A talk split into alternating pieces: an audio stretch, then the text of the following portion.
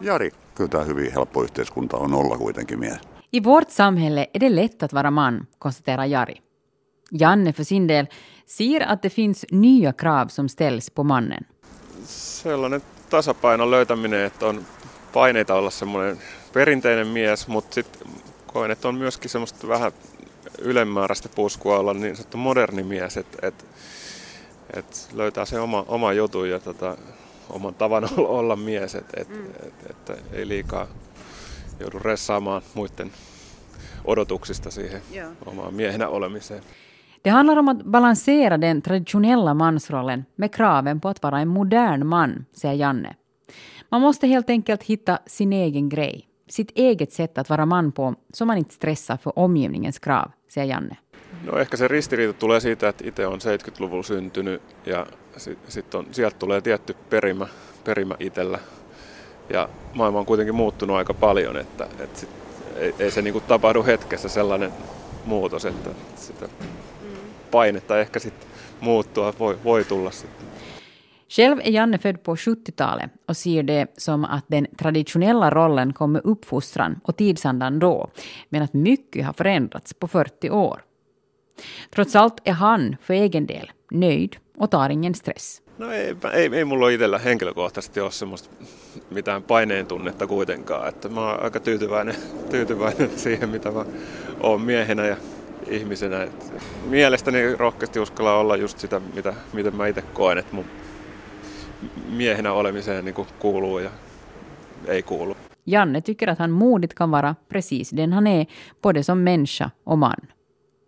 Och många känner säkert som han och är glada och nöjda i sina liv. Det konstaterar också terapeuten Tommy Sarlin på organisationen Miessakit. Vi har stöd och männen har, nya generationerna har olika eh, verktyg att handla saker och, och tala om känslor och tankar och så vidare.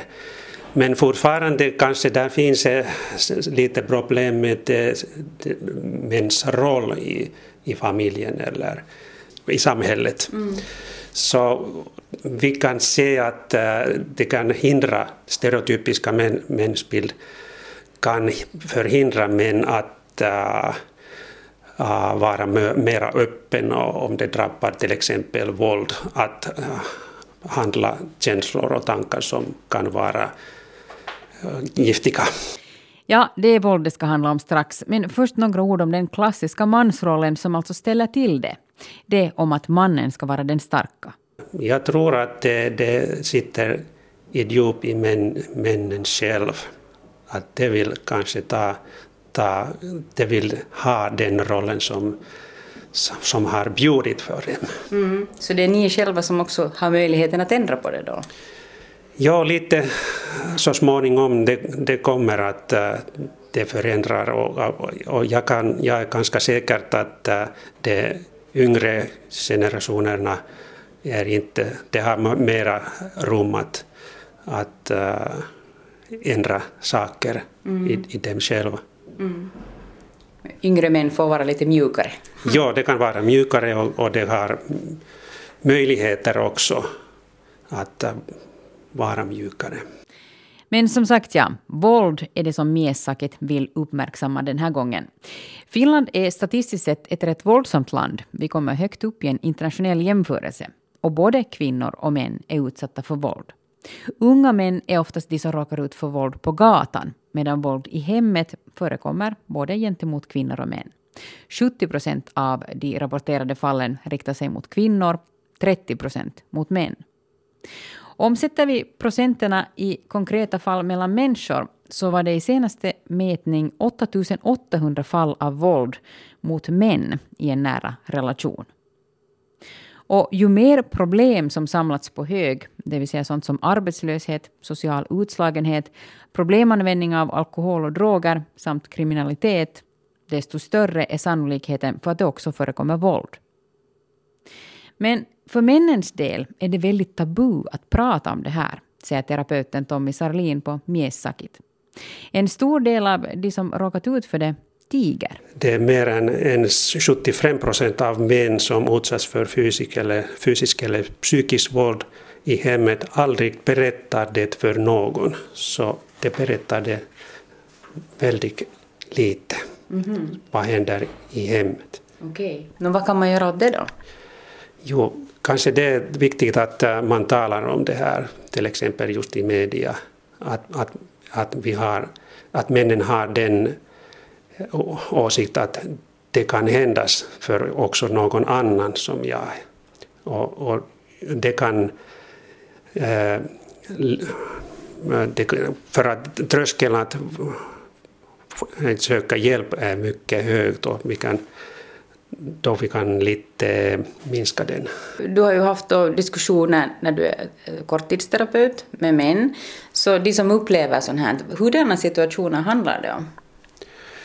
Ja, ganska ofta det, det kan vara psykiskt våld, att, man, att, äh, att kvinnan till exempel är, är mycket svårt sjuk eller partnern har ett onormalt kontrollbehov eller hela tiden pikar mannen eller konstant jämför dig med annan, andra till deras fördel.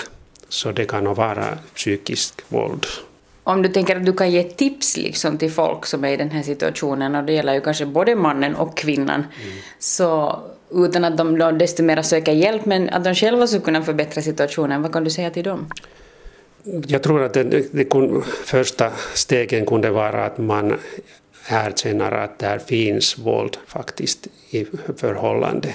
Och det är kanske, kanske inte så lätt att, att berätta dig själv att jag faktiskt jag upplever våld i hemmet eller så, också på gatan. Och sen andra stegen kunde vara att tala för någon, berätta någon att vad har, vad har hänt och vad, vad känner du och vad tänker du om den här saken. Och sen om det inte hjälper det så kanske tredje stegen kunde vara att ta kontakt med någon professionell hjälp att förminska symptomen som kommer efter våld. Den skyldiga till våldet, psykiskt eller fysiskt, kan också vara en förälder, ett syskon eller ett barn till den berörda.